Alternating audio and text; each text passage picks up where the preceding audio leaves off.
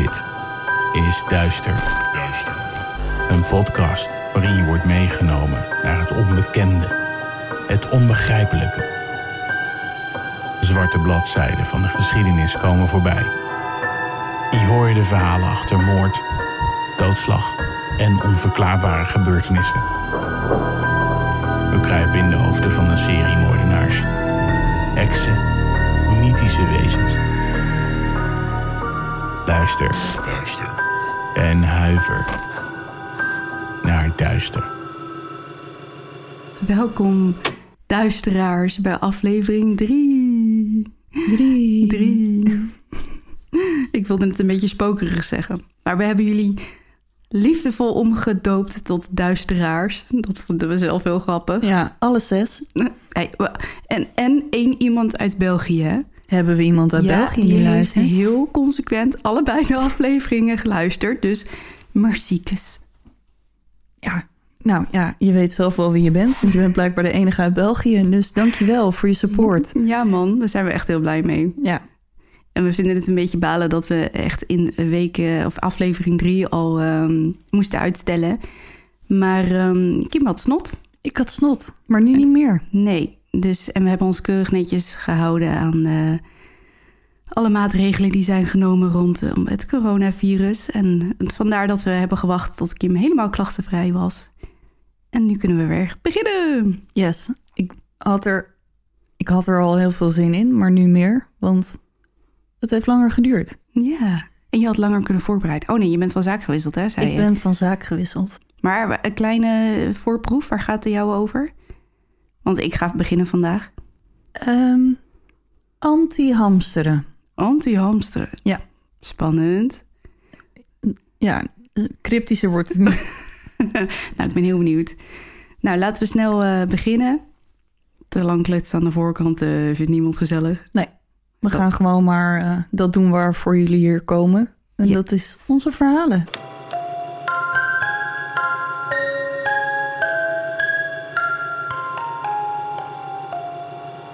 Goed, nou deze keer, en eh, hou je vast, want Oh. je hebt echt geen idee. Soms geef ik wel een beetje een hint waar mijn aflevering over gaat aan de voorkant, maar je hebt echt geen idee deze Ik weet keer. helemaal niks. Nee, ik ga het hebben over.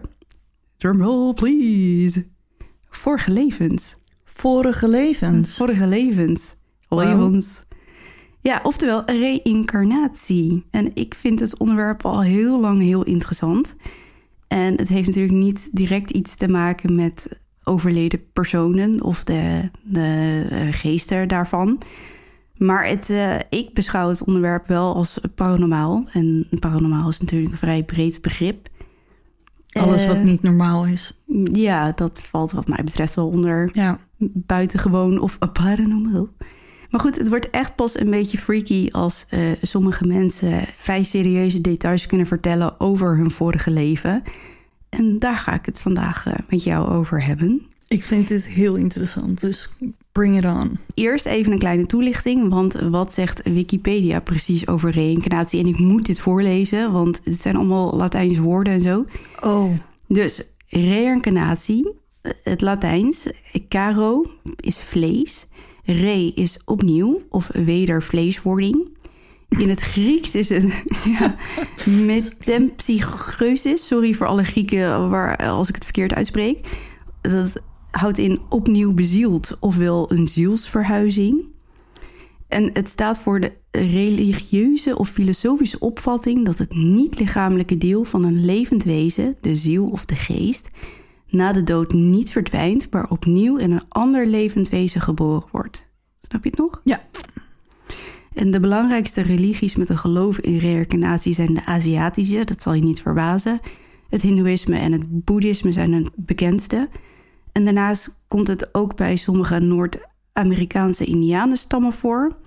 Het huidige christendom wijst dit idee af, maar het vroege christendom kende ook gelovers in reïncarnatie.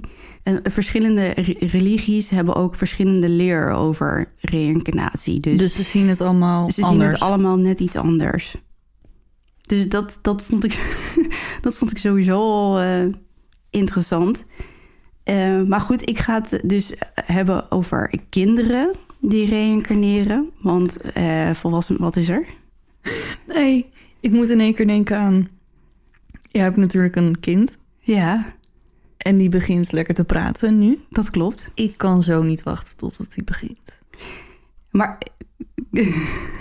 je hebt toch dat hele enge filmpje gezien waar hij in zijn kamertje, want wij hebben zo'n babyfoon met een camera, waar hij in zijn kamertje echt tegen iemand aan het praten is. Ja.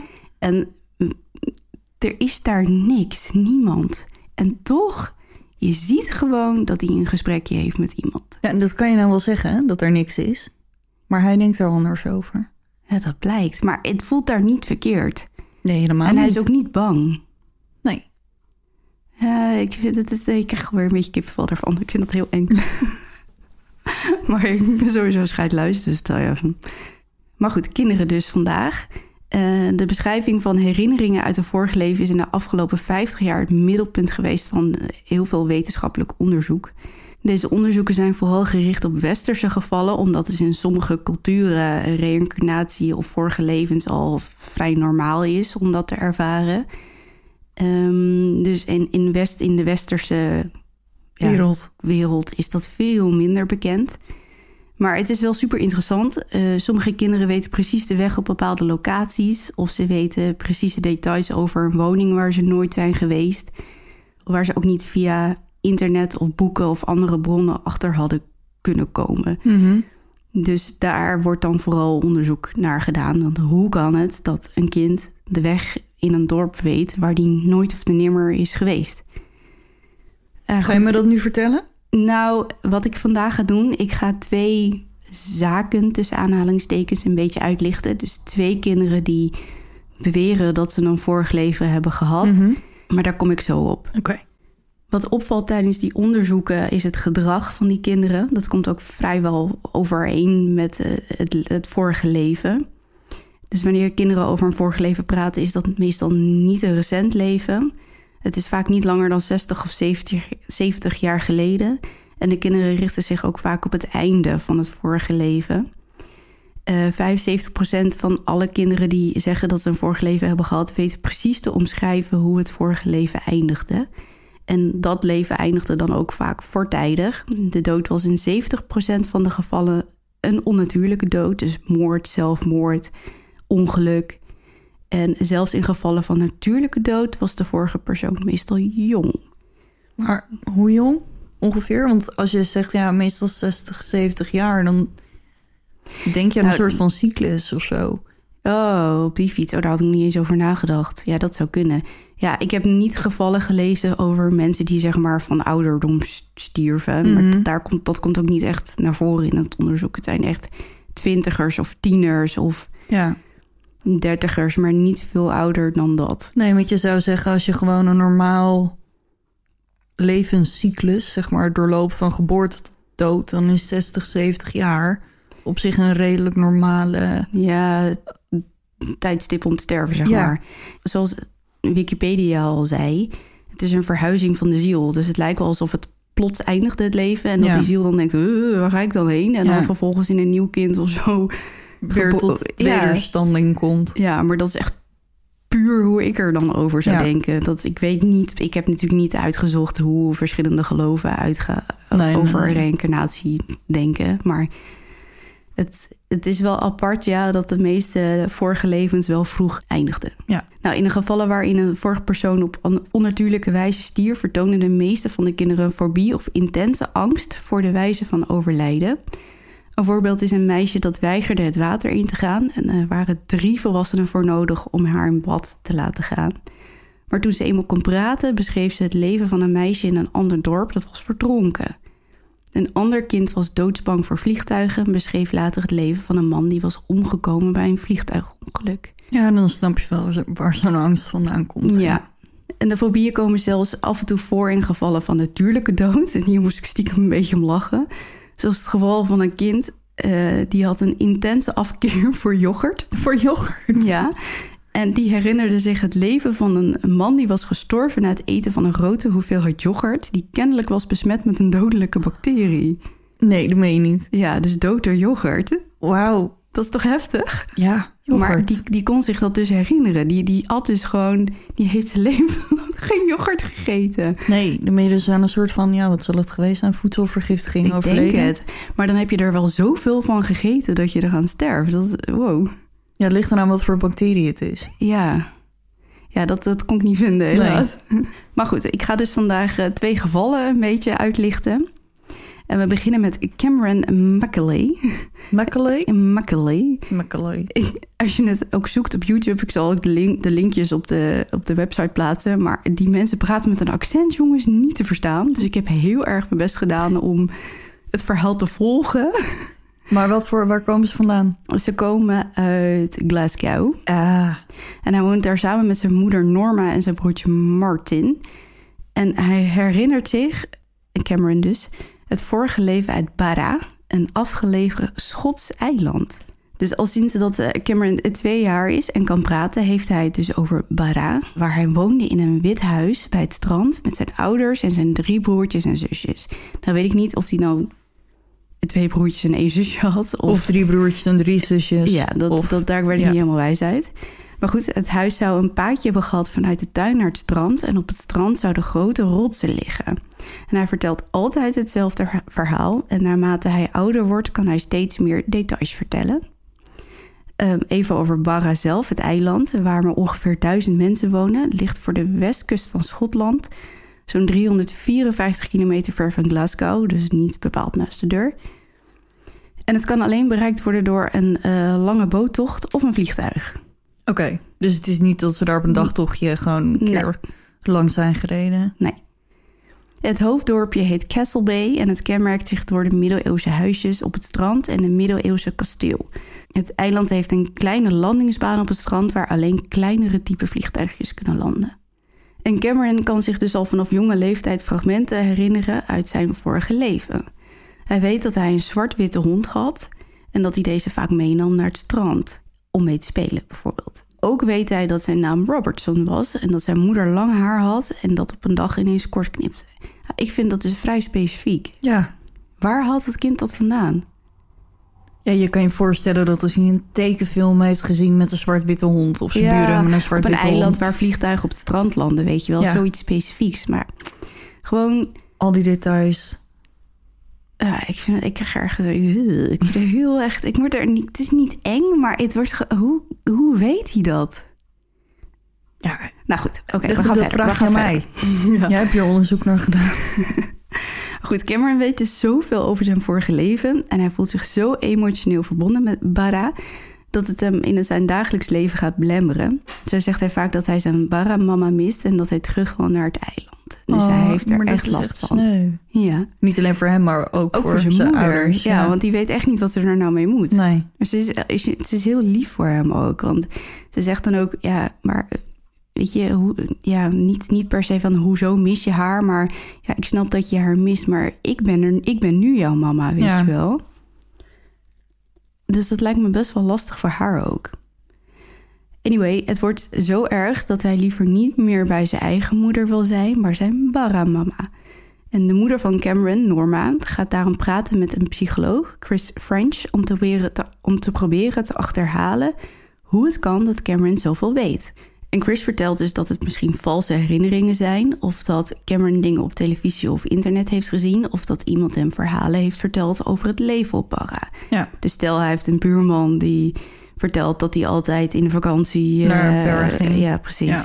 Maar Norma weet zeker dat dit niet het geval is en ze besluit na lang wikken en wegen om Cameron samen met onderzoeker Jim Tucker, die al eerder kinderen met een eh, vorig leven onderzocht, eh, om Cameron mee te nemen naar, naar Barra dus.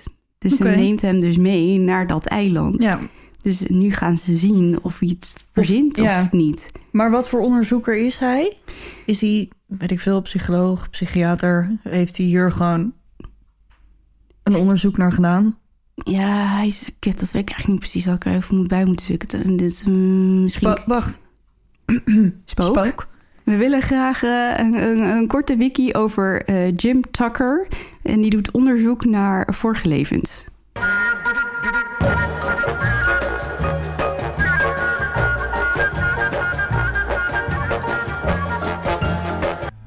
kinderpsychiatrie. kinderpsychiater. Oh, oh, kinderpsychiater. Ik wist dat trouwens wel. want Het Ja. is echt naar de achterkant van mijn hoofd geglipt. Sorry. Oké, Spook, bedankt. Dank je. Goed, Jim Tucker dus. Eenmaal op het eiland aangekomen voelt Cameron zich dus meteen thuis. En hij herkent de landingsbaan op het strand. En hij weet de weg naar het dorpshotel. Vind ik best knap. Ja, Dat kind is... eh, nou, Oh, hij is zeven hier trouwens. Hij is niet meer twee. Hij is al wel wat ouder. ja.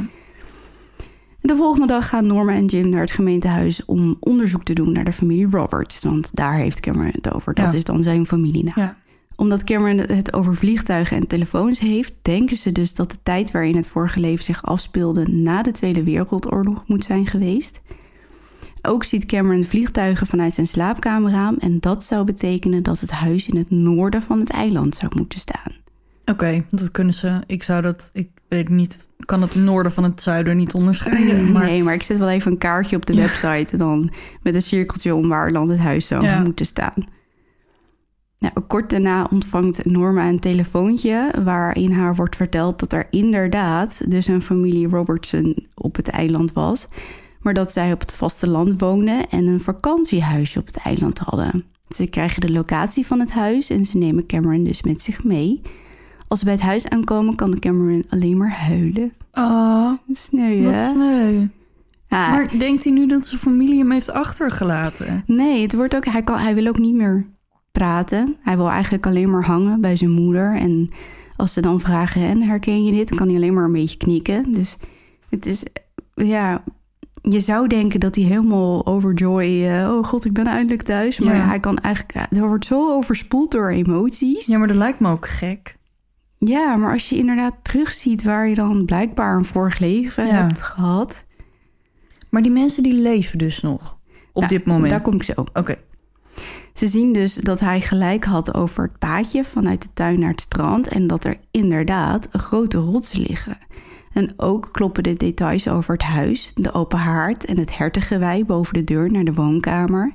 En de normaal zo uitbundige Cameron, wat ik net al zei, die is dus nu een stil en verdrietig. En hij zegt dat hij zijn baramama mist. oh goed.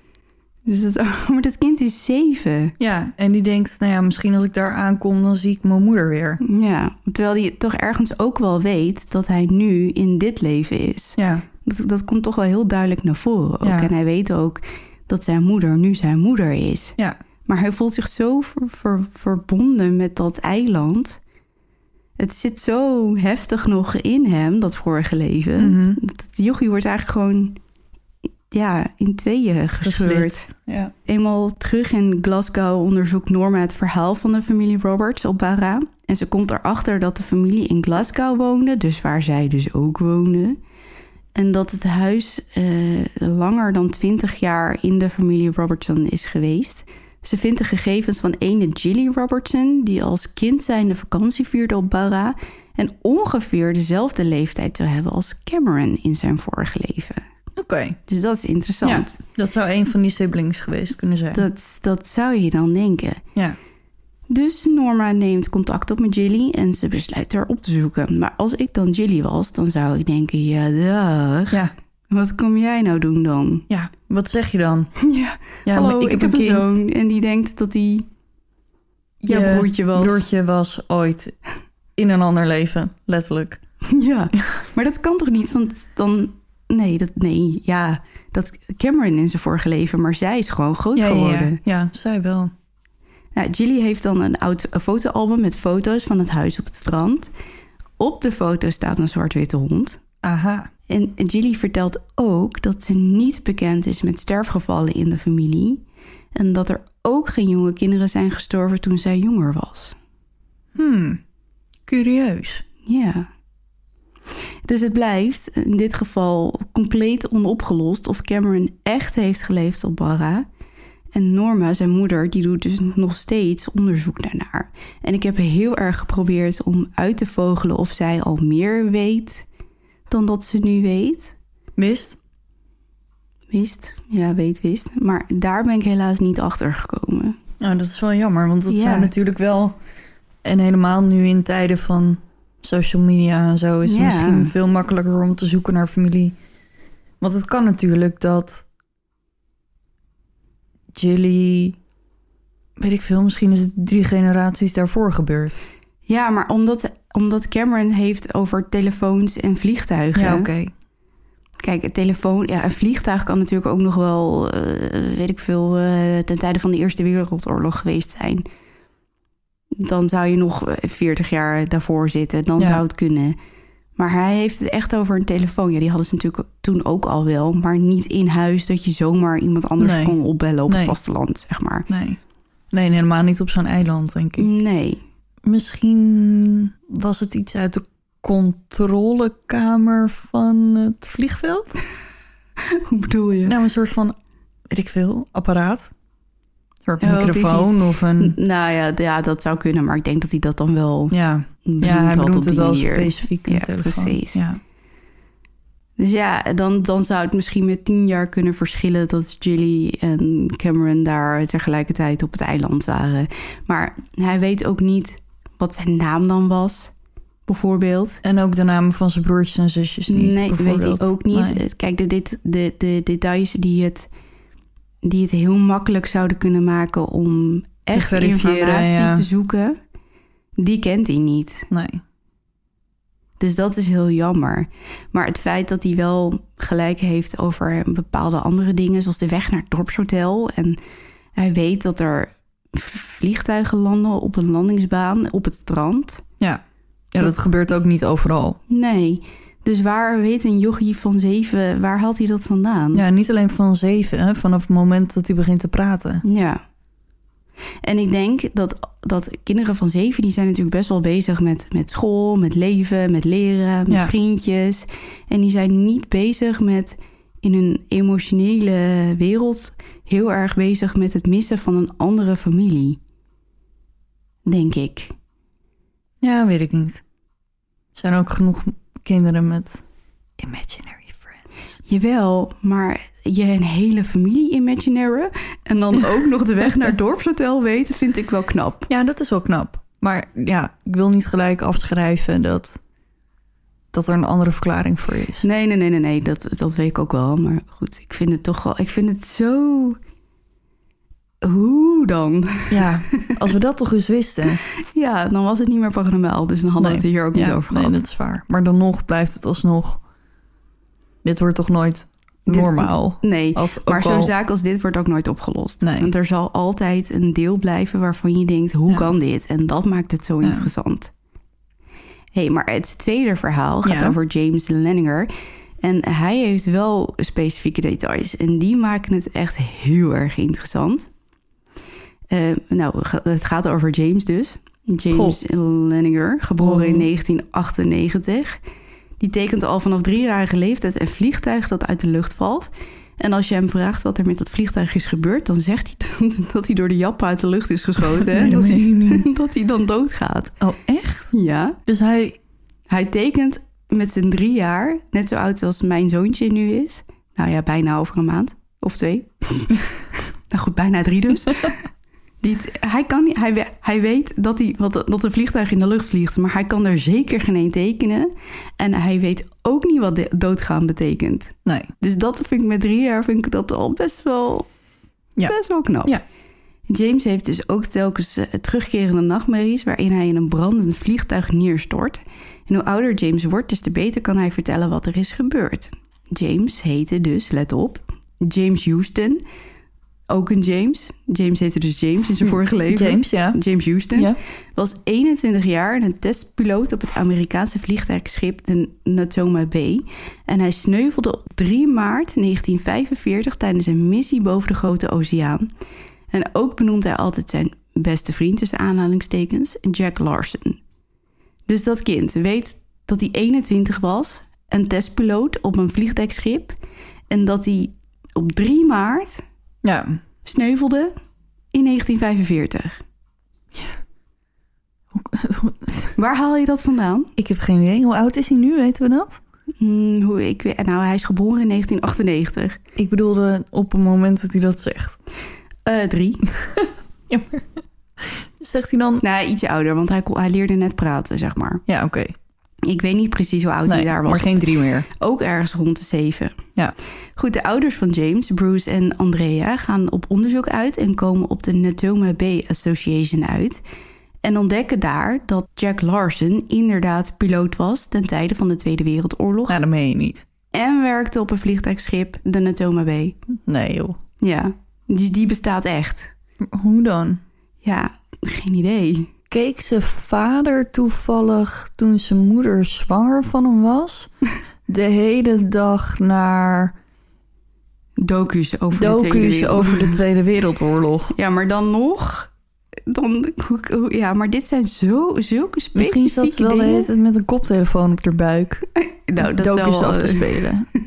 ja, maar ze zeggen toch... Ja, ik ben nog nooit zwanger geweest. Maar ze zeggen toch dat baby's gewoon kunnen horen in de baarmoeder en zo. Dat klopt. En ik luisterde altijd één liedje toen ik zwanger was. En als ik dat nu opzet, dan wordt hij wel altijd heel kalm. Nou, dan moet je me toch eens een keer vertellen welk nummer dat dan is. Eh, Het, het, komt uit de film Wally en het heet Divine Dancing.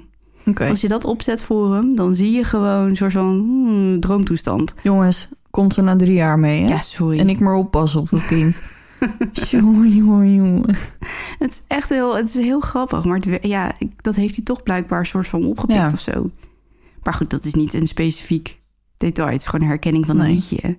Nou, mocht ik ooit zwanger worden, ga ik het testen. Ja, moet je doen. Het is wel, het is wel cool of zo. Ja, die kans is vrij klein. Maar oké. Hey, hey, weet je niet, weet je niet. Oké, terug naar James. Ja. Eh, Jack Larson, de, de vriend dus Ja. van James Houston, geeft Bruce en Andrea foto's. En bij het zien van een Oh, luchtfoto... wacht even. Die leeft dus nog. Ja, die, En die hebben contact met Ja. elkaar, want die hebben via, weet ik veel, de basis of zo. Ja, nee, contact met elkaar gelegd. Zij hebben dus contact gezocht met de Natoma Bay Association. En da- daar zit hij dus in. Oh, hij zit in die association. Ja, Oké, ja check. maar hij leeft dus nog. Ja, check.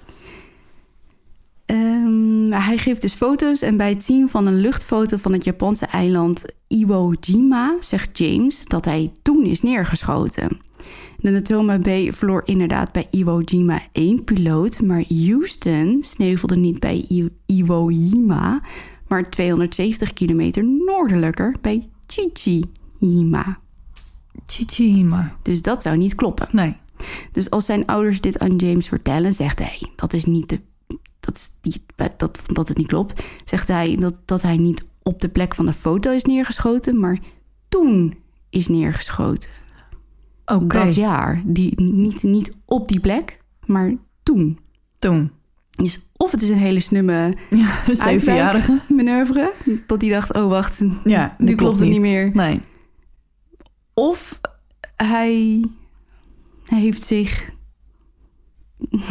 vergist. Ik weet Ja, niet. ik weet Nou, ook het was ook niet. een soort van vergissing, maar goed.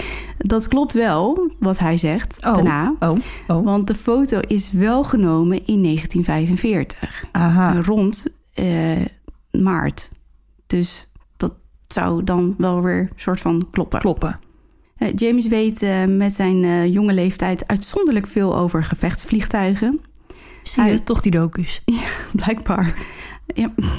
Hij wijst zelfs zijn moeder terecht als zij, bij hem een, eh, als zij hem een modelvliegtuigje geeft en daarbij de bommen aanwijst. Waarop James zegt: Mama, dat is geen bom, dat is een druppeltank.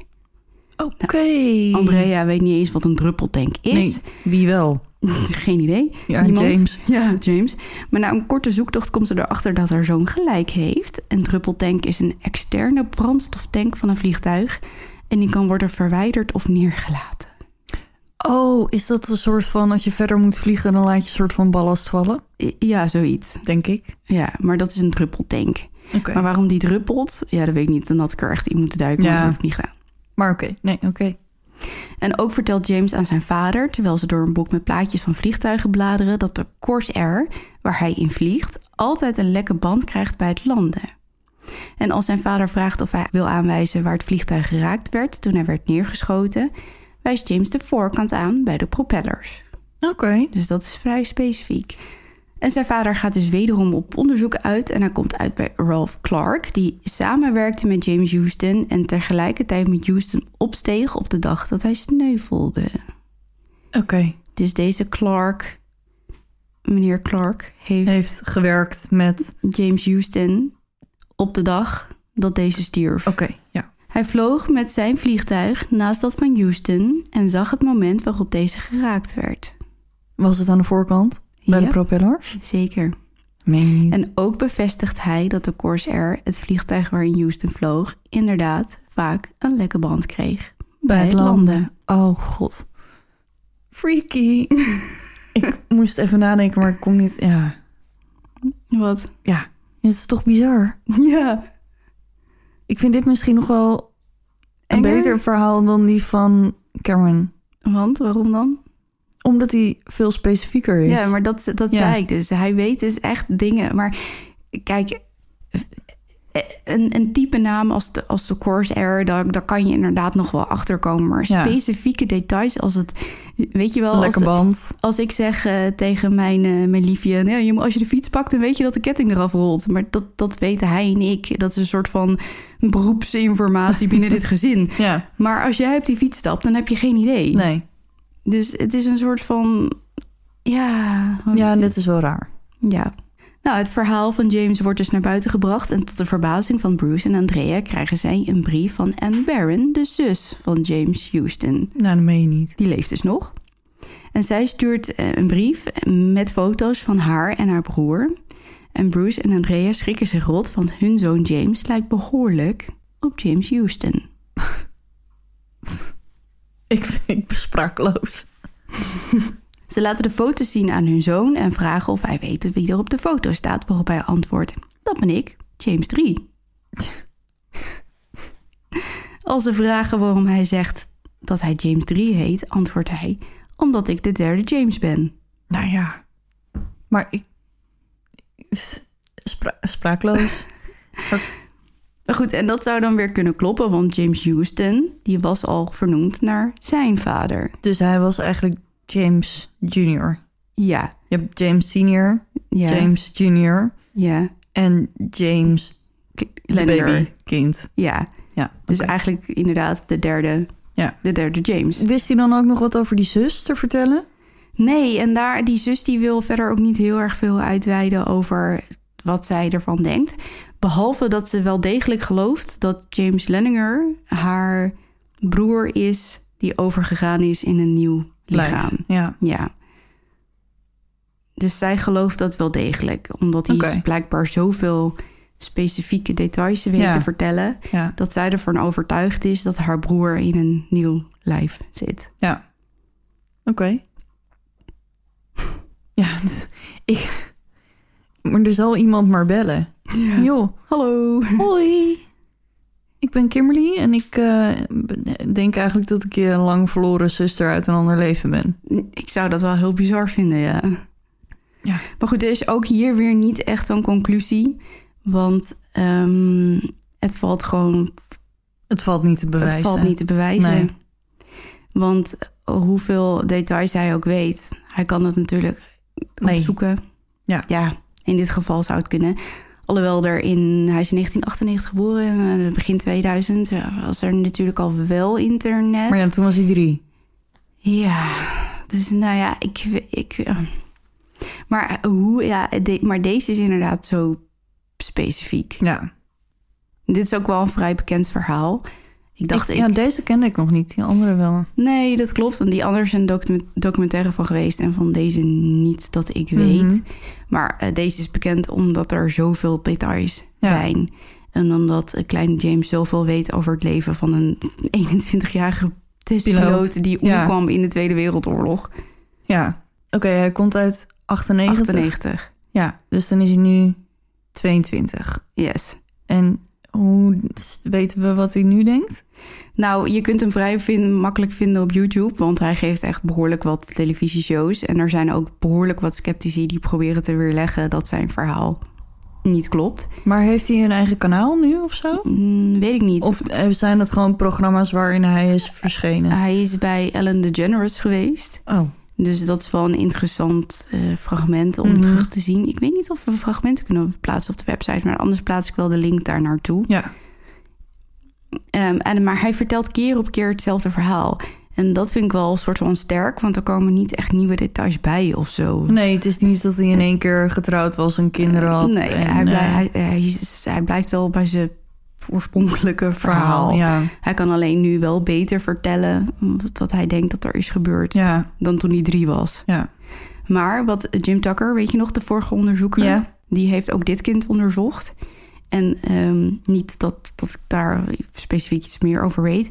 Maar eh, Jim Tucker die, die merkt wel dat hoe ouder kinderen worden, des te meer de herinneringen vervagen. Maar in het geval van James, die heeft het verhaal zo vaak verteld. Ja, dan wordt het vanzelf natuurlijk een soort van ingesleten eh, ja. herinnering, zeg maar, opnieuw of zo. ja. Iets dergelijks. Ja, nee, maar dat kan ik me wel voorstellen. Maar ze zeggen toch ook bijvoorbeeld, we hebben het nu niet over spoken, maar dat kinderen vaak veel gevoeliger zijn voor spoken. Maar dat het op een gegeven moment ook ophoudt, omdat je Ja, dan precies. gewoon ouder wordt en je ervoor afsluit. Oh ja, dat wilde ik nog aan jou vragen. Weet je, je hoort toch sommige mensen wel eens, ehm, als ze bijvoorbeeld heel goed kunnen tekenen of zo, van eh, ja, dat heb ik uit vorige leven. Mhm. Ik was vroeger tekenaar. Ja. Heb jij dat? Ehm, nee. Nee? Nee. Nee, ik weet wel dat er vroeger, toen wij op de middelbare school zaten, denk ik dat het was, dan was er zo'n website waar je dan je geboortedatum in moest voeren en je weet ik veel, je voornaam en je achternaam. En dan vertelde die je wat je in een vorig leven was geweest. Zo ja? Ja, ik was blijkbaar grafdelver. Dat kan ik me helemaal niet herinneren. Ja. Ik, ja, ik denk dat als je zoiets zoekt, dat het nog wel bestaat. Maar ik denk dat ik, ik was iets van grafdelver. Oh, grappig. Ja, maar nee, ik... eh, Ik ben in het vorige leven Indiaan geweest. Echt. Ja. Ik, ik weet ook niet, ja, ik- behalve dat ik echt een enorme aantrekkingskracht tot de natuur en op een soort van natuurlijke wijze leef. Niet dat ik dat doe, want dat vind ik dan weer een te grote opoffering. Maar de gedachtegang die de Noord-Amerikaanse Indianen hebben, of hadden nog steeds, die vind ik echt zo sterk bij mijn persoonlijkheid passen. Dus ik ben vroeger een Indiaan geweest. ja, nu je dit zegt, ik denk dat ik uit Engeland kom. Ja? Ja. Want? Ja, ik voel me daar gewoon thuis. Het is daar gewoon... Maar, Maar dat- je weet niet specifiek waar vandaan. of- Nee, nee, nee. Maar dat is wel gekoppeld ook aan iets anders. Alleen ik denk dat je dat onderwerp ooit nog een keer gaat doen. Oh, dus misschien moeten we dat Dus niet... ik ga er nu niet te veel over uitweiden, want dat wil ik dan, dan vertellen. Oké, doen we. Goed, dit was het. Oh nee, ik vergeet nog een stukje. Oh, vertel. Ik was nog niet klaar. Namelijk, James Vertel. Lenninger. Ja, Daar had ik nog een stukje over. Ja. Want hij weet nog meer gekke dingen. Oh, Dus even, even een Ja, herpakje. oké, Tien ja. minuten terug. Ehm, nadat hij op een dag met zijn vader eh, nou, bladeren had staan harken... vertelt Bruce, dat is de vader, Mhm. aan James... hoe blij hij is om hem als zoon te hebben. Wat ik overigens wel een beetje een rare opmerking vind. hoezo? Ja, ik ben zo blij dat jij mijn kind bent. Ja, ik weet niet. Alsof er een diepere gedachte achter zit.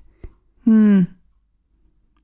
Nee, mijn Ik vader... zou, dat, ik zou dat niet plomp verloren tegen mijn zoon zeggen. Ik zou wel zeggen, ik hou ontzettend veel van je en nou, ja, dat soort dingen. Maar ik zou niet zeggen, ja, misschien ook wel. Ja, ik weet niet. Ik vond het een beetje een rare... Niet, niet, niet vervelend raar, maar een soort van... Oké, apart- nou, goed. ja, goed. Eh, maar James die antwoordt daar dus ook op, ook al zo plomp verloren. Daarom heb ik jou gekozen, want ik weet dat je een goede vader zou zijn. En Bruce die begrijpt dat niet en die zegt, hé, Mhm. hè, wat bedoel jij? En waarop James zegt, toen ik jou en mama vond, vond ook, Mhm. vond, Ja. wist ik dat je goed voor me zou zijn. Waarop Bruce zegt, waar heb je ons dan gevonden? En James zegt, Hawaii, ik heb je gevonden in het grote roze hotel vlakbij het strand. En jij en mama gingen eten met de maan. Dus Bruce die krijgt een halve hartverzakking. Ja, dat was huwelijksreis of zo. Nou, die is dus met eh, Andrea inderdaad naar Hawaii gegaan.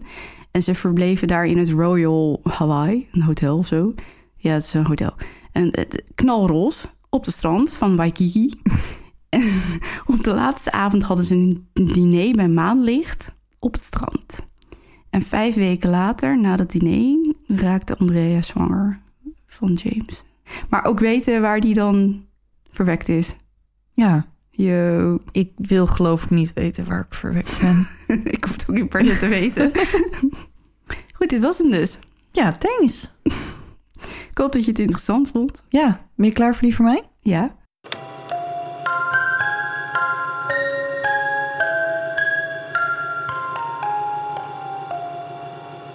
Ik had eigenlijk een andere zaak voorbereid voor vandaag. Dat zei je. Ehm, maar door de recente gebeurtenissen moest ik in één keer aan een andere zaak denken.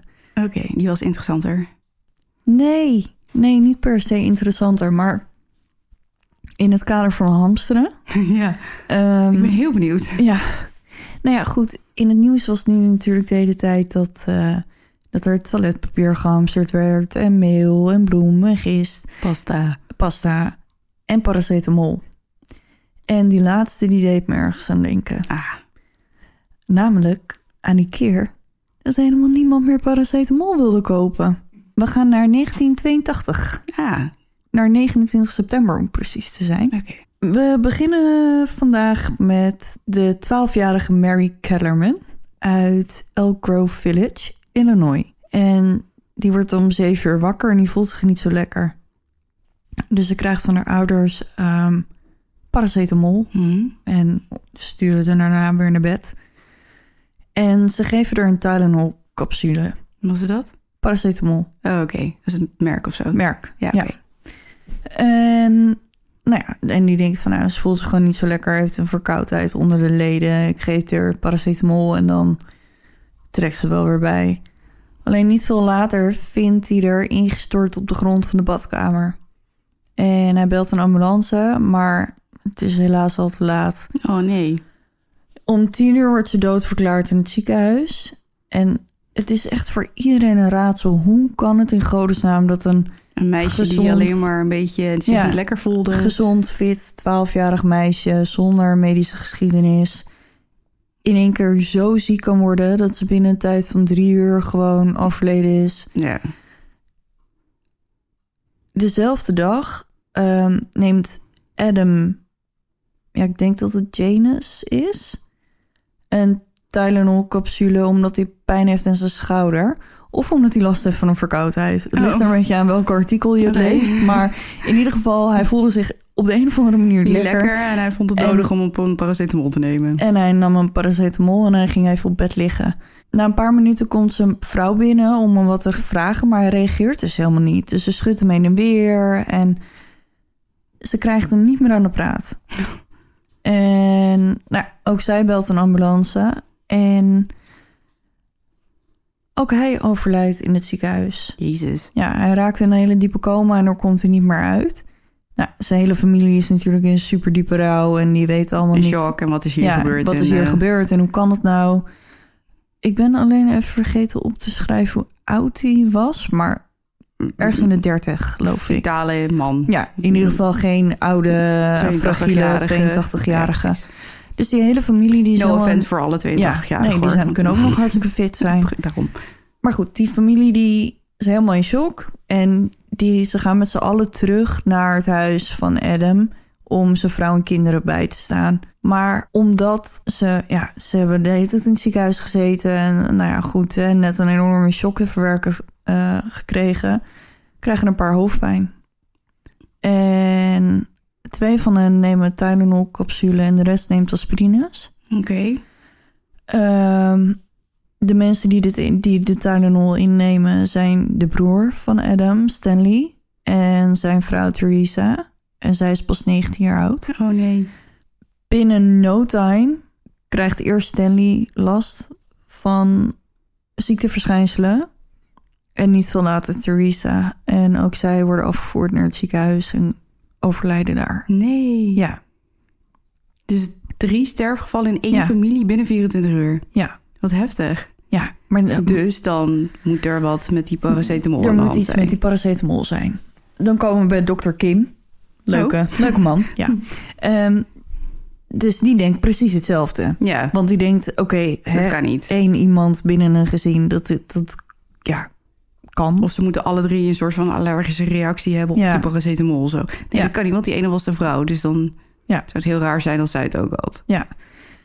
Maar, nou ja, goed. we komen nu dus bij dokter Kim. En hij heeft dus Adam behandeld toen hij werd opgenomen in het ziekenhuis. Een paar uur later komen dus Stanley en Theresa binnen. En toen dacht hij in één keer, wat? Ik, ik ken die mensen, die stonden hier nog geen Ja. acht uur geleden Te rouwen, te rouwen om, eh, om, om Adam.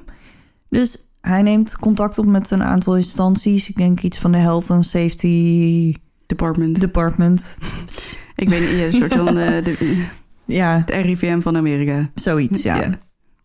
In ieder geval, want hij denkt, ja, er moet iets in dat huis... of, of ze moeten iets gegeten hebben. Of, nou, uiteindelijk denkt hij eerst aan koolmonoxidevergiftiging. Oké. Maar dat is ook een beetje gek, want ze waren daar met volgens mij minstens acht man. Dus dan is het heel gek als... En dan alleen hadden ze het Adam- allemaal moeten hebben. Dan hadden ze het allemaal moeten hebben. Of in ieder geval klachten ook. Ja, precies. Maar die anderen hebben niks. Die anderen hebben allemaal niks. Nou ja, toen... Behalve voedsel- geen hoofdpijn meer. Ja. en eh, nou ja, vervolgens denkt hij dan aan voedselvergiftiging. Maar dat kon hij op zich volgens mij ook wel snel uitsluiten. Dus wat hij doet, hij laat al het eten en alle medicijnen die in het huis van Adam te vinden zijn, die laat hij naar het ziekenhuis brengen, zodat hij het kan onderzoeken. Oké, dat, is wel- dat is wel apart voor een arts dat hij dat doet, toch? Ja, maar die vond het zo'n raadsel. Ja. En dus ja, hij wilde gewoon. En plus omdat er natuurlijk ook nog gewoon familie over is gebleven in dat huis. ja. Dus als je niet weet. Wat het is, dan kunnen zij misschien ook het Ja, want voor hetzelfde geld. Nee, want nu zijn er dus drie dood. Dus stel dat die andere zes nog een keer een paracetamol innemen. omdat het nu allemaal te veel ja, wordt. dat moeten we niet hebben. Nee, dus hij laat het allemaal naar het eh, ziekenhuis komen. En nou ja, hij had een paar blikken met voedsel en zo. Maar er leek verder helemaal niks mis mee te zijn. Hij opent een potje Tylenol. En ook daar leek niks meer aan de hand te zijn. Dus hij maakt een lijst om te kijken wat de drie leden van de familie... ehm, wat overeenkomsten zijn tussen Mhm. wat ze hebben gegeten en gedronken. En eigenlijk, ja, was daar niet echt een verband te vinden... totdat hij bij de Tylenol-capsules aankwam. Maar hoe weet hij dat ze dat alle drie hebben genomen als ze alle drie dood zijn? Ehm, nou ja, goed. De vrouw van Adam kon natuurlijk verklaren dat hij voordat hij ging liggen een Oh, ja. Tylenol had ingenomen. Ja, nou ja, vervolgens komen ze dus in dat huis en een paar Oh, leden van de familie nemen oké. aspirine en zij nemen Tylenol. Maar is er, eh, eh, misschien komt het later nog hoor, maar is er autopsie gepleegd op de lichamen of niet? Sst. Ga ik zo vertellen. Oké. Ehm, dus, nou ja, goed. Eh, waar was ik? Oh ja, de Tylenol-capsules. Dus, nou ja, goed. Hij kon daar verder niks raars aan ontdekken. Maar dat is het enige waar hij, zeg maar, aan kan zien. Linken dat, linken eh, dat ze het alle drie geslikt hebben. Maar de symptomen die ze alle drie vertoonden... hadden helemaal niks te maken met een overdosis Nee, eh, van die pillen. Dus dat is raar. is raar, was een raadsel. Dus op een gegeven moment begint hij dus aan vergiftiging te denken. En er was maar één soort gif waarvan hij wist dat het zo snel slachtoffers kon maken. Ik weet het. Wat? Cyanide. Cyanide. Ja. Ja. Dus hij nam bloed af bij Stanley en Theresa. En dat heeft hij opgestuurd om te laten testen. Mhm. Terwijl hij hiermee bezig is, weten ze nog helemaal niet dat Mary dus ook slachtoffer is van dezelfde Oh, ja, ja, Tylenol-tabletten. ja, ja. Dus het zijn twee brandweermannen die de connectie maken. Maar wacht, wonen zij bij elkaar in de buurt? Ehm, ze wonen wel een soort van bij elkaar in de buurt, maar niet buren of zo. Mm, Wel hetzelfde dorp. Nee, of ook is het niet. meer Amsterdam, Rotterdam? Of... Ja, we zitten een beetje in de buurt van Chicago Eh, Oké, en daaromheen. ja precies. Nou ja, Dus Amerika het is natuurlijk vrij allemaal- groot. Dus... Ja. Maar goed, het zijn dus twee brandweermannen die de link leggen tussen de dood van Mary en eh, de leden van de Janus family. Ze werken op de een of andere manier alle twee in een andere county, maar ze zijn vrienden van elkaar. En die een die heeft wel de oproep voor de ambulance van Mary gehoord, maar die heeft er verder niet zo bij stilgestaan. Want ja, voor hem is dat gewoon een soort van business as usual. Mhm. En die ander, die is dus naar de Janus-familie geweest. Dus daar raken ze ehm, over aan de praat. En dus die ene die zegt tegen de ander... joh, ja, die mensen die zijn blijkbaar... hebben alle twee Tylenol ingenomen. Waarop die ander zegt... oh, maar wacht even. Wij hadden hier vanochtend ook een meisje... die Tylenol had geslikt. dat is ook En- apart. En die is nu dus overleden ook. Wel goed. Dat betekent wel dat ze opletten. Ja, supergoed. Dus zij gaan daarmee naar de politie. En via de politie komt die informatie weer bij dokter Kim terecht.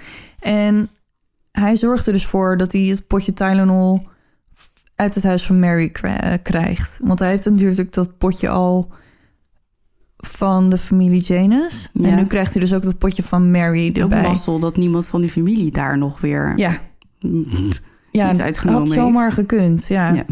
Dus hij brengt die potjes weg om te laten testen. En op dat moment krijgt, of niet op dat moment, maar ergens daarna krijgt Ja. hij een telefoontje dat het bloed van Stanley en Theresa positief getest is op eh, cyanide. En niet zo'n klein beetje ook. Oh jeetje. Ja. En een paar uur later komt dan het volgende telefoontje. En dan komt de ui- uitsluitsel dat het inderdaad de Tylenol was. De capsule zat vol met Zie je niet? hè? grote dosis cyanide. Oké. Dus ik ga nu even vertellen wat cyanide is. Voor de mensen die dat niet weten, dat is misschien wel handig. Hè? Nu, we het er, nu we de boosdoener ehm, geïdentificeerd ja, hebben. precies. Ja. Oké. Cyanide is het anion van blauwe zuur. En dit kan in verschillende vormen voorkomen. Dus het kan als gas, vloeistof of als een solide vorm voorkomen. Er zijn verschillende manieren om erdoor vergiftigd te worden. Dat kan via de huid, door inhalatie, bijvoorbeeld bij een brand Mhm. waar het vrijkomt, of door het in te nemen. Oké. Dan heb ik nog een weetje. Ja. Cyanide ruikt naar, vaag naar amandel. Oh ja. Maar niet iedereen kan dit ruiken. Oh ja, dat heb ik wel eens gehoord. Ja, dus het is genetisch bepaald. Dus volgens mij echt de helft van de mensen kan het wel ruiken en de ander niet. Dus als je degene bent die het niet kan ruiken... dan heb je sowieso, loop je al een stap achter op Ja, degene ja, die het wel kan ruiken. Ja, ik ken cyanide dus wel door... eh, hoe heette die gast ook weer? Jonestown of zo. Daar, daar speelde cyanide een grote Mhm. rol. En ik weet dat, het- vooral in de Tweede Wereldoorlog... en tijdens de Koude Oorlog... dat Russische spionnen een capsule in een kies Ja, holle kies. Ja, Ja, en als ze dan betrapt waren of ze werden gemarteld of wat, ook, Ja. wat dan ook... dan beten ze hem kapot. Ja. En dan was het natuurlijk vrij snel gebeurd. ja. Dus dan konden ze de staatsgeheimen niet prijsgeven. Precies. Dat vind ik al luguber genoeg. Ja, ja. Maar het, nee, cyanide, oh, gevaarlijk spul, man. Doodeng. ja. Ja, en dan vraag ik me dus af, zou ik het kunnen ruiken? Maar ja, ik wil het ook niet testen. Dat- Nee, dat zou ik echt niet durven. Nee. No way. Nee. Ehm, nou ja, goed. We weten nu dus dat cyanide de boosdoener is. En we weten ook dat het in de Tylenol zit. Ja. Alleen zullen er in de volgende dagen nog drie slachtoffers volgen. De 31-jarige Mary McFarland uit Elmhurst, Illinois. De Waar? Sorry. Elmhurst, Elmhurst. Oké, zo ik verstond het niet. Illinois. Oké. De 35-jarige Paula Prince uit Chicago, Illinois. En de 27-jarige Mary Rinder uit Winfield, Illinois. Dus alle slachtoffers komen dus of uit Chicago Ja. of uit de buurt. In ieder geval uit de staat eh, Illinois. Ja. Oké. Goed, nou ja, goed. Dus dit is nu allemaal bekend en er wordt groot alarm geslagen. En via de media wordt er opgeroepen om geen Tylenol meer te gebruiken.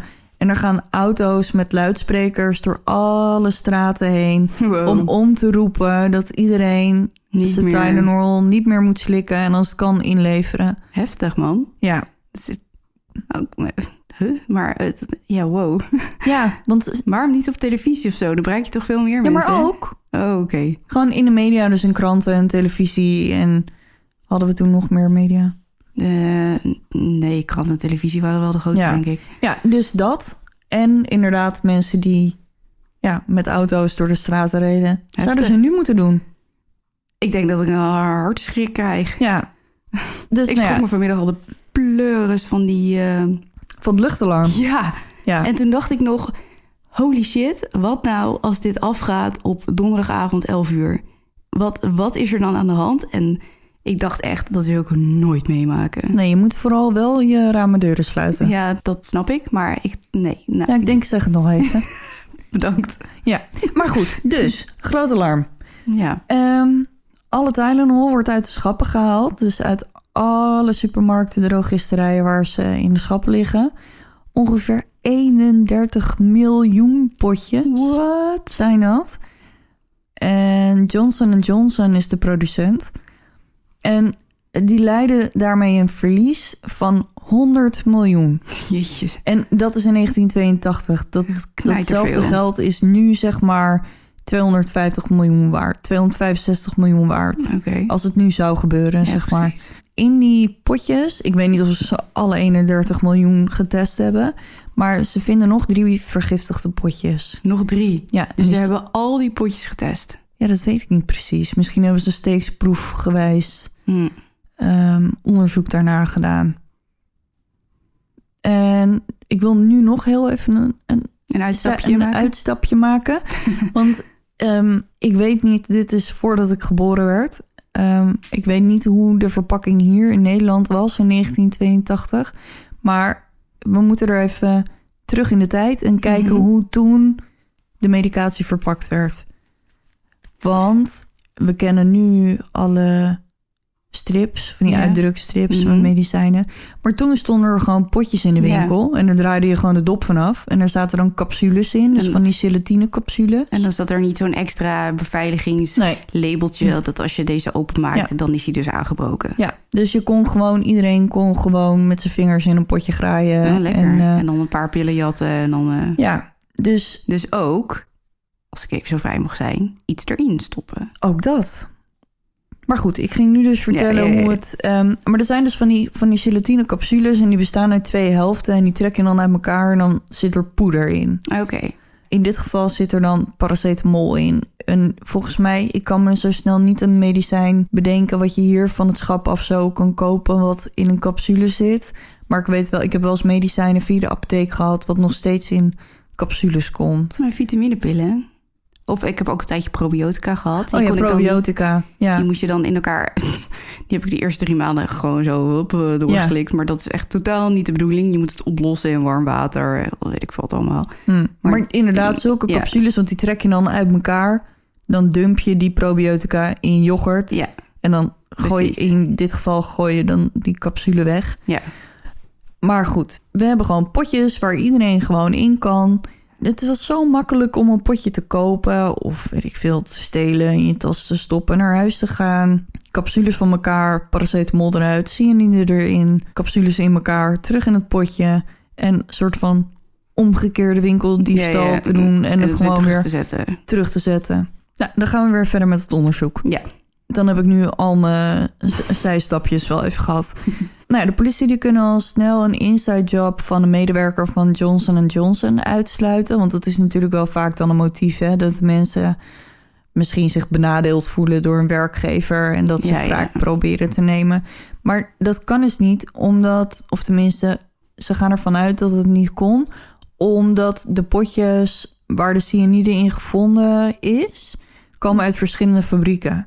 Oh ja, en het komt natuurlijk op, een, op locaties vrij dicht bij elkaar terecht. En ik neem aan Ja. dat die potjes door heel Amerika... Ja, want wat ik ervan begreep worden. is... eh, Johnson Johnson die produceert dan... en in dit geval waren het twee verschillende fabrieken. Eén in Texas en nog ergens eentje. Die komen dan bij een distributiecentrum. Mhm. En dat distributiecentrum... die verdeelt het dan weer onder 11.000 winkels. Oké, dus de kans dat er... Anders dan hadden er heel veel potjes Ja, met maar- cyanide. Ja, en ook overal in Amerika. Niet alleen rond Chicago. Ja, precies. Dus die kans, ja, dat, Die is klein. dat is gewoon heel klein. Ja.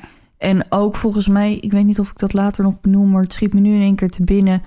Ehm, het zijn ook niet alle pillen in een potje. Nee, het is... Dus het is niet zo dat iemand gewoon in de fabriek de paracetamol heeft vervangen met 20 kilo cyanide. Nee, nee, nee. En daarmee alle, het- alle pillen gevuld Degene worden, die zeg dat maar. ha- had gedaan, die had natuurlijk ook misschien wel een half jaar moeten wachten op zijn eerste slachtoffer. Omdat Oh, je ja. natuurlijk nooit weet Nee. wanneer je net die ene neemt met cyanide Ja, erin. nee, dus st- stel er zitten 50 dingen in een potje en dan zitten er 15 vergiftigde in. Dus dat is als medewerker aan de lopende band bij Johnson Johnson in zo'n fabriek natuurlijk vrij lastig. Omdat, doen. Ja, precies. Ja. Dus ze gaan ervan uit dat het inderdaad iemand is geweest die gewoon door al die verschillende supermarkten, drogisterijen is gegaan, potjes van de schappen heeft gehaald, of hij daar nou voor betaald heeft of ze gestolen heeft, naar huis is gegaan, heeft zitten knutselen en nadat hij klaar was, heeft hij al die potjes weer teruggezet in de schappen, waar ze dus vervolgens verkocht worden. Nou ja, goed. daarbij komen we nu aan bij de verdachten. We beginnen met de eerste. Hoeveel zijn er? drie. Oké. En nogal meer, maar dit zijn de drie Belangrijkste. belangrijkste. Waarvan ik zelf, ik weet niet zo goed wie ik het meest verdacht vind. Maar als ik er eentje zou moeten kiezen, dan is het de eerste. Oké, een soort van wie is het? Dit? Wie is het? Ja. Ehm, nou ja, goed. De politie doet onderzoek naar dit alles. En terwijl het onderzoek nog in volle gang is, ontvangt Johnson Johnson een brief waarin 1 miljoen dollar wordt geëist om het moorden met Tylenol te stoppen. Ze identificeren de schrijver door zijn vingerafdrukken op de brief. En het blijkt om James William Lewis te gaan. Hoe weten ze dat nou weer? Omdat hij eerder in aanraking is geweest met de politie. Oké, ja. En ik was, ik, mijn onderzoek duurde in één keer ook tien keer zo lang. Want ik ging dus in één keer over James Lewis zitten lezen. Ja, dit is veel te veel om nu allemaal over uit te wijden. Dus ik heb een heel interessant artikel over hem gevonden. Ik zet het op de website voor wie het wil lezen. Maar als ik het Mhm. allemaal moet gaan vertellen, dan zitten we hier over een uur nog. En het duurt Maar- allemaal zo lang. En het duurt allemaal zo lang. Ehm, Blijf bij ons. ja, alsjeblieft, nog even. We zijn bij de verdachte. Nou ja, goed, hij is eerder in aanraking met de politie geweest... omdat ze hem verdachten van de moord op zijn buurman. Nee. Ja, echt. Dus vandaar dat ze vingerafdrukken in het systeem staan. Dus het was niet heel erg moeilijk om hem op te sporen. Hij bleek alleen ehm, ten tijde van de moorden in New York te wonen. En verder is er ook eigenlijk helemaal niet zoveel om hem te linken aan de moorden, behalve dan die brief. En hij woonde in New York samen met zijn vrouw. Weet ik niet. Ja, hij, hij woonde in New York samen met zijn vrouw. En hij wordt wel aangeklaagd voor afpersing, maar dus niet voor de moorden.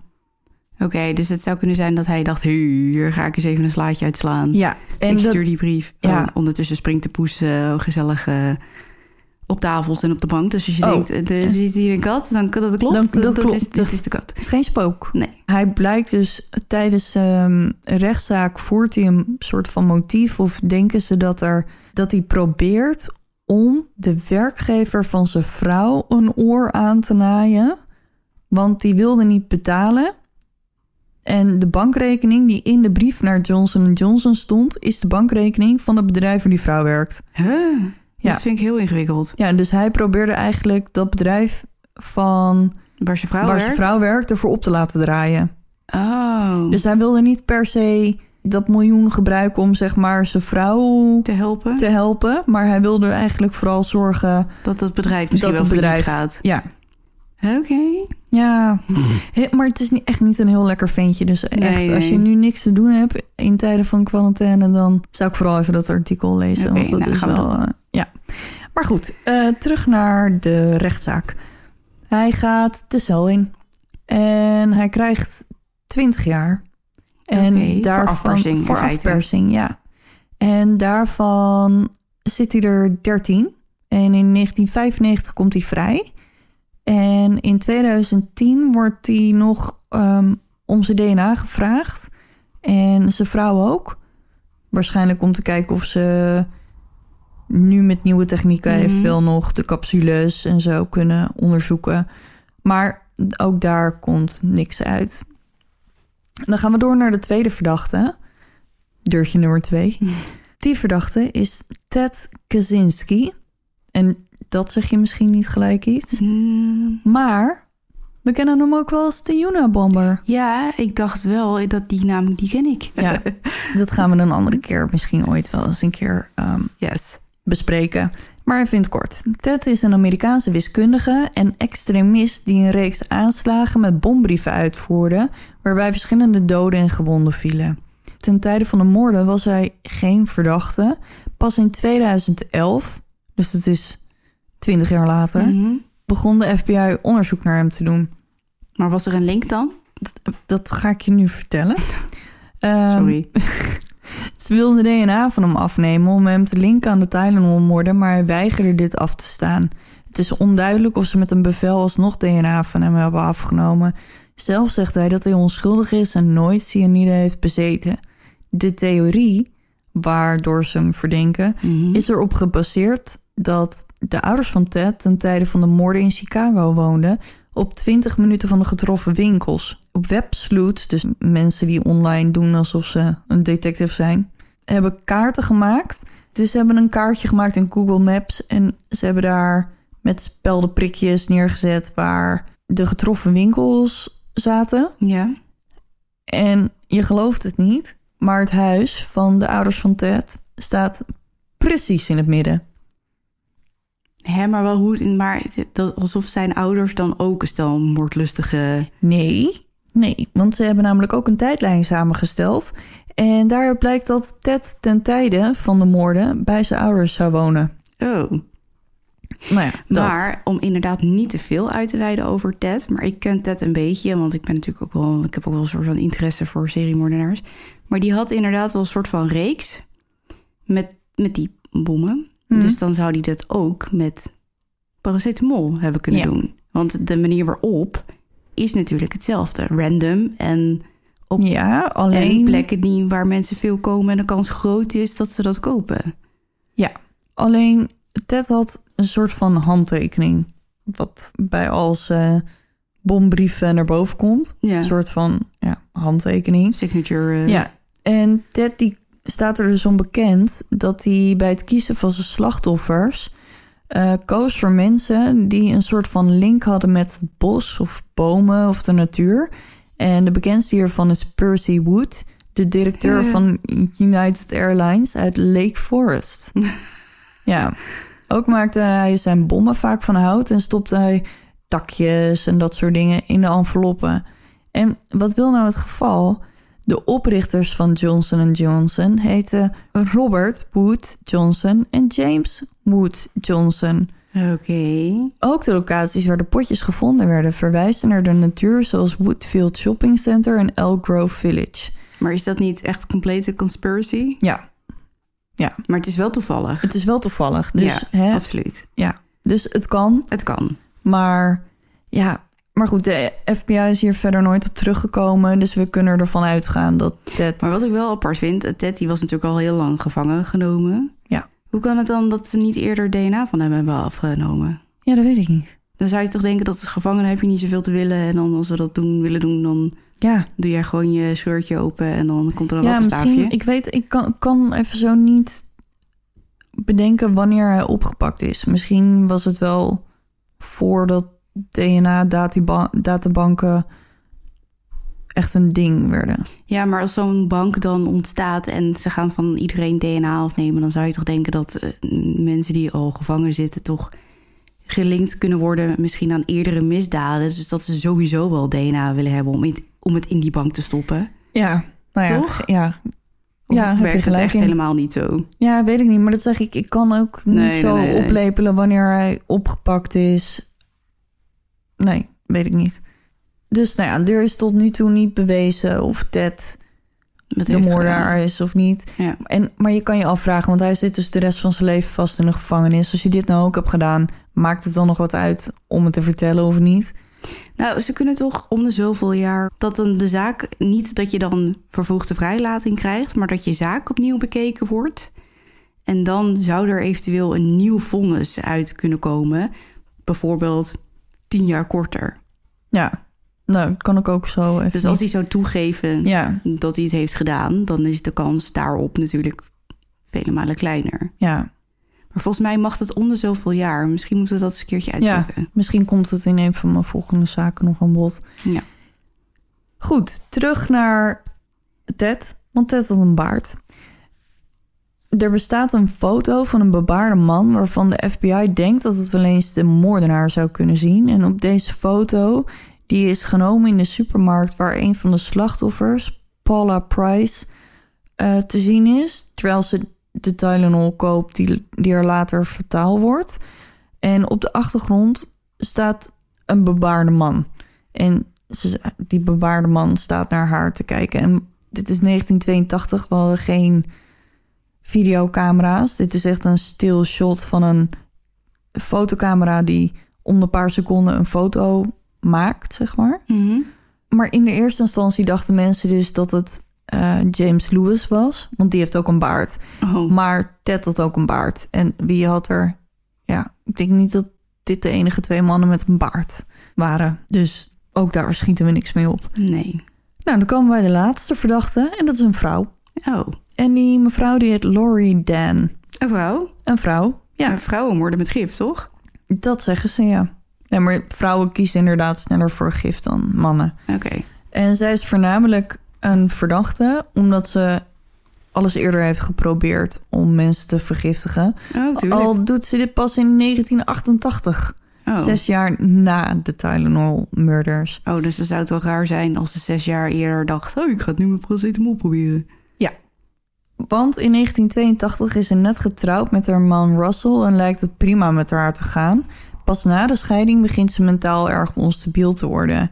Ze werkt als oppas voor verschillende families en eigenlijk de meesten waren wel tevreden over haar. Terwijl andere aangiften tegen haar deden omdat ze meubilair beschadigde of kleding en eten had gestolen. Oh, Ja, hier wordt ze verder niet voor opgepakt, want haar vader betaalt de schade. tuurlijk. Ja. Dus hoe langer eh, of hoe meer tijd er verstrijkt, hoe instabieler ze wordt. Ze komt onder behandeling van een psychiater die haar verschillende medicijnen voorschrijft. In december 1987 koopt ze een geweer. En in 1988 stopt ze met haar bezoek aan de psychiater en begint ze met het plannen van haar aanvallen. Ze stelt pakketjes met snacks samen, met snoep en pakjes drinken. Het drinken vergiftigt ze met verdunde arsenicum. Oh, gezellig. Ja. Ook al zo'n lekker middel. Ja, ze stuurt ze naar verschillende mensen, waaronder haar psychiater en haar ex. Ze zijn, Nee. inmiddels, ja, ze zijn inmiddels gescheiden. En andere pakketjes levert ze zelf persoonlijk af. Oh. Als soort van cadeautje. Een dodelijke Ja. postbezorger. Ehm, alleen was hier vet slecht in. Want Ik kan me nog een andere zaak herinneren met iemand anders die ergens heel slecht in was. Ehm, maar goed, ze, ze was dus bezig met dat vergiftigen van die dingen. Maar ze had dus die pakjes drinken, ik weet het niet, geïnjecteerd. En die waren gaan lekken. Oh nee, Ja, dus er was niemand die het dronk. die het dronk. En als er wel van dronken was, zo smerig. Ze dachten, laat dat ze even. laat maar. Of ehm, ze dronken ervan, maar ze merkten er alsnog, alsnog niks van. Omdat ze de arsenicum zo verdund had, dat het helemaal geen effect had. Vervolgens haalt ze twee kinderen op waar ze ooit op gepast heeft. Die gaan verhuizen Hmm. naar een andere staat of zo. Dus ze had gezegd tegen die ouders van... nou, dan kom ik ze halen en dan gaan we wat leuks doen voordat jullie verhuizen. Want dan zie ik jullie nooit meer. Dat vind ik heel stom. Oh, Dus het werd alleen geen uitje. Want wat doet ze nou? Ze rijdt naar een school waar ze een bom probeert af te laten gaan. jezus, wat Ja. is het voor vrouw? Ja, geen idee. Terwijl die kinderen in de auto bleven. En als dat niet lukt, probeert ze nog een andere school in de fik te steken. Oh, Ja, maar ze loopt naar binnen met een jerrycan met benzine. Maar het personeel heeft zoiets van... wat ga je "Eh, doen? Mevrouw, waar gaat u naartoe met die jerrycan met benzine? Dus voordat ze het überhaupt aan kon steken, was het alweer afgelopen. Maar waarom wordt ze niet ge- immediately gearresteerd dan? Geen idee. Vervolgens neemt ze die kinderen mee naar haar huis. Volgens mij naar hun eigen huis. En daar geeft ze ze vergiftigde melk. Maar omdat het zo vies is, drinken ze er bijna niks van. En spugen ze alles uit. Maar waarom wil die vrouw zo graag iemand doodmaken? Ja, geen Die idee. is echt dan helemaal de weg kwijt. Ja. Ja, ze was ook niet heel stabiel. Nee. Nee, Nou, heel ze- stabiel. Nou, Onstabiel. zeg maar heel onstabiel. Ze probeert ook nog de kinderen en hun moeder te verbranden. Maar ook hallo. dit mislukt. Ja, volgens mij stopt ze ze in de kelder en dan steekt ze het aan. Jezus. Maar dan ontsnappen ze. Dus dat... Ja, dus Wauw, ik hoop dat ze is opgepakt, of niet? Ja, uiteindelijk, maar dit is, was allemaal, ja, dit was erg, maar nog niet het ergste. Uiteindelijk rijdt ze naar een basisschool om daar eh, vervolgens in het rond te schieten. En daarbij Nee. schiet ze één jongetje dood Oh nee. en vijf anderen zijn verwond. Later schiet ze ook nog een man dood en vervolgens Oh, zichzelf. Nee. Ja, Nou, ik denk niet dat zij het was, eerlijk gezegd. Ik denk Nee. eerder Ted. ja, dus de enige link is dus ook alleen maar dat vergif, waar ze dus Maar dat was jaar. arsenicum. Ja, ook. En dit is zes jaar na de Tylenol mu- murders. En Nee, dat, in 1982 was ze gewoon nog stabiel, was ze net Ja. getrouwd. Dus je gaat ervan uit Nee, dat dat dan een... het was. Eerlijk gezegd. Nee, denk ik ook niet. Ze is wel redelijk gestoord. of in ieder geval niet, nou ja, niet stabiel. Dus nou, ik, Nou, ik denk dat het gestoord wel op zijn plek is. Ja, dus nee, ik denk ook niet dat zij het was. Maar Nee. blijkbaar wordt zij daaraan gelinkt... omdat ze later ook inderdaad met vergif aan de slag gaat... en dit Mm. ook een gifke. Dus dat waren alle verdachten. Ik heb er hier wel eens over gehoord, deze zaak. Ja, Maar ik wist niet de details. nee.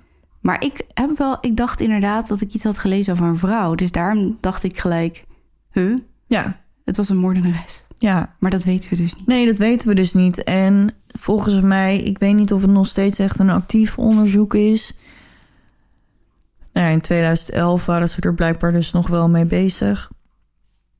Maar volgens mij hebben ze wel die capsules en zo bewaard en de potjes, zodat er ooit opnieuw getest kan worden naar eventueel DNA of de vingerafdrukken. Hm. Dus- Zitten die er wel op? Ja, volgens mij, wat ik, wat ik me kan herinneren, zit er op één potje in ieder geval een uitgesmeerde vingerafdruk. Nou, Oh, hemel. Ja, maar goed, ik denk dat, dat als er bewijs is, dat het dan in de vorm van DNA zou moeten komen. Ja. Want in 1982 was niemand zich er natuurlijk van bewust. Dat je DNA achterlaat op wat ja. je aanraakt. Ja, Ja. ja. Dus wie weet wat daar nog ooit. Maar ja, ik vraag me af of dit ooit opgelost wordt. Mm. Sommige zaken, weet je, je ziet nu dat er heel veel zaken worden opgelost die echt al tientallen jaren oud zijn. Maar dit is zo random en het is ook. Profilers hebben ook heel veel moeite ermee om een profiel op te stellen van deze moordenaar. Ja, want het is zo atypisch. Want het is. Wat zou Vaak het kan je motief dan natuurlijk. zijn? Ja, dood en verderf, denk ik. En de, er is natuurlijk, je weet nooit wie dat potje koopt. Nee. Dus wie eraan sterft. Dus het maakt niet uit wie het slachtoffer is. Nee, als er maar iemand doodgaat. Precies. Dus dat is wel een heel apart motief. Ja. Dus ja, dan ben tenzij je... inderdaad Johnson Johnson ten val wil brengen. Maar ja, is dat nou echt iets... Mm, maar dit is een motief voor moord. Ja, weet ik niet. Ja, je zou zeggen, ja, ik weet het niet. Maar Kijk, als je nou je buurman haat...